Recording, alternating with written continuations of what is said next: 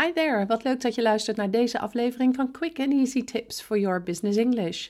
Vandaag heb ik voor jou Zo leid je een zakelijk Engels sollicitatiegesprek. Part 1. Mijn naam is Anneke Drijver van Improve Your Business English en de auteur van het boek Master Your Business English Communicate with Power in 7 Simple Steps. Ik help jou als ondernemer of doelgerichte professional van je middelbare school Engels af, zodat je ook internationaal met impact en vol zelfvertrouwen in het Engels kunt communiceren, maar bovenal volledig jezelf kunt zijn.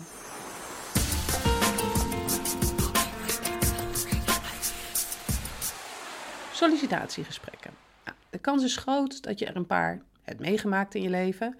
Maar wat nou als je aan de andere kant van de tafel zit en jij de interviewer bent? Hoe ga je op zoek naar potentiële nieuwe werknemers en hoe stel je nou de goede vragen om er op een doelgerichte manier achter te komen wie de beste fit is voor jouw team? Een sollicitatiegesprek is een heel krachtig hulpmiddel om je zoektocht te faciliteren, maar wanneer dit jouw verantwoordelijkheid is, is het belangrijk om goed te weten hoe je dit aanpakt om tot het best mogelijke resultaat te komen. Vandaag ga ik je vertellen hoe je een sollicitant op zijn of haar gemak kunt stellen, welke soort vragen je het beste kunt stellen en hoe je ervoor zorgt dat het gesprek op gang blijft. Een goed begin is het halve werk. Daarom is het belangrijk om hier vanaf het begin van het gesprek actief in te investeren. Begroet de sollicitant. Een simpele hallo of goedemiddag kan al wonderen doen voor de zenuwen van degene die je tegenover je hebt zitten. Daarnaast is het voordelig om de gang van zaken nog even door te spreken. Leg bijvoorbeeld even uit dat dit het eerste gesprek is, waarin je het vooral belangrijk vindt om de kandidaat te leren kennen en dat dat zal gebeuren door middel van een aantal vragen. Geef ook aan dat er daarna ruimte is voor de sollicitant om een aantal vragen te stellen. Een andere tip om ervoor te zorgen dat de sollicitant zich op zijn of haar gemak voelt, is rustig aandoen. Gehaast overkomen creëert een gespannen sfeer die hoogstwaarschijnlijk invloed heeft op je sollicitant. En vaak niet ten goede. Plan een sollicitatiegesprek daarom liever iets ruimer in en neem de tijd om goede vragen te stellen die de sollicitant gedetailleerd kan beantwoorden. Nou, je hebt ervoor gezorgd dat het begin van het gesprek soepel en rustig is verlopen. Maar wat nu? Het belangrijkste deel van het sollicitatiegesprek is niet alleen de verantwoordelijkheid van je sollicitant, maar ook van jou. Het is van groot belang dat je goede, doelgerichte vragen stelt die een productieve gespreksvoering bevordert. De key to succes hierbij is: stel open vragen en geen gesloten vragen. Open vragen zijn vragen waarmee je de sollicitant naar een langer antwoord stuurt en een vraag die niet beantwoord kan worden met een simpel ja of nee. Dus in plaats van te vragen, dus jij bent geïnteresseerd in deze positie, kun je de vragen beter formuleren als waarom ben je geïnteresseerd in deze positie. Op deze manier geef je de sollicitant ruimte om een goed geformuleerd antwoord te geven waardoor je hem of haar alleen maar beter leert kennen. Er volgen nu een aantal voorbeelden van open vragen die je in een sollicitatiegesprek kunt stellen. Could you tell me something about yourself? What accomplishments are you particularly proud of? What do you consider is important in a company? What motivates you to do your best work?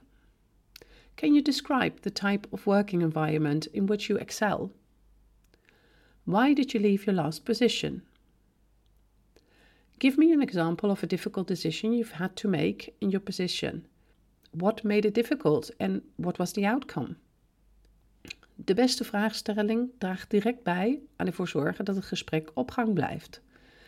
Dat is het laatste onderdeel waar ik het in deze podcast over wil hebben. Door middel van een goede vraagstelling en de manier waarop je antwoordt, zorg jij er als gespreksleider voor dat het gesprek soepel blijft lopen.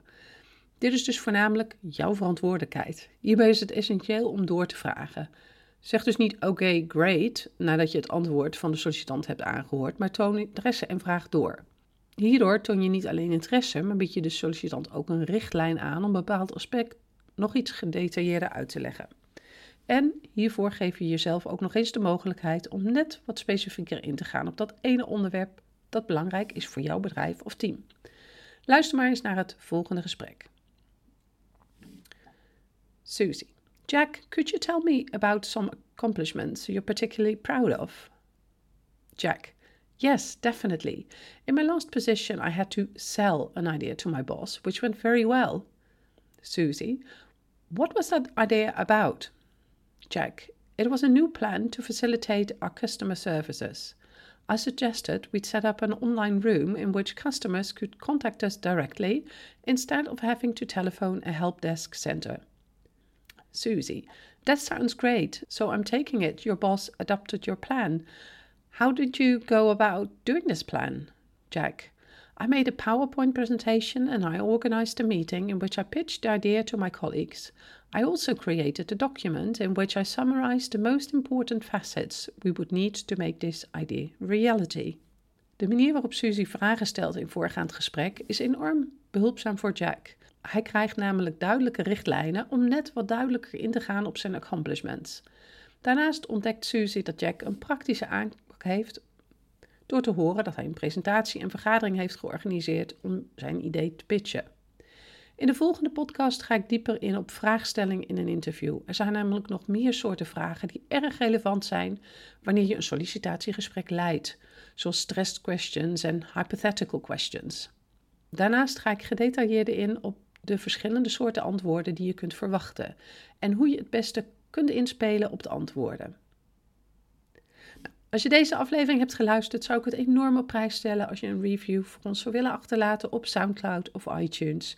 Dit helpt anderen weer om onze podcast te kunnen vinden en daarmee hun Engels te verbeteren. See you next time met quick and easy tips for your business English.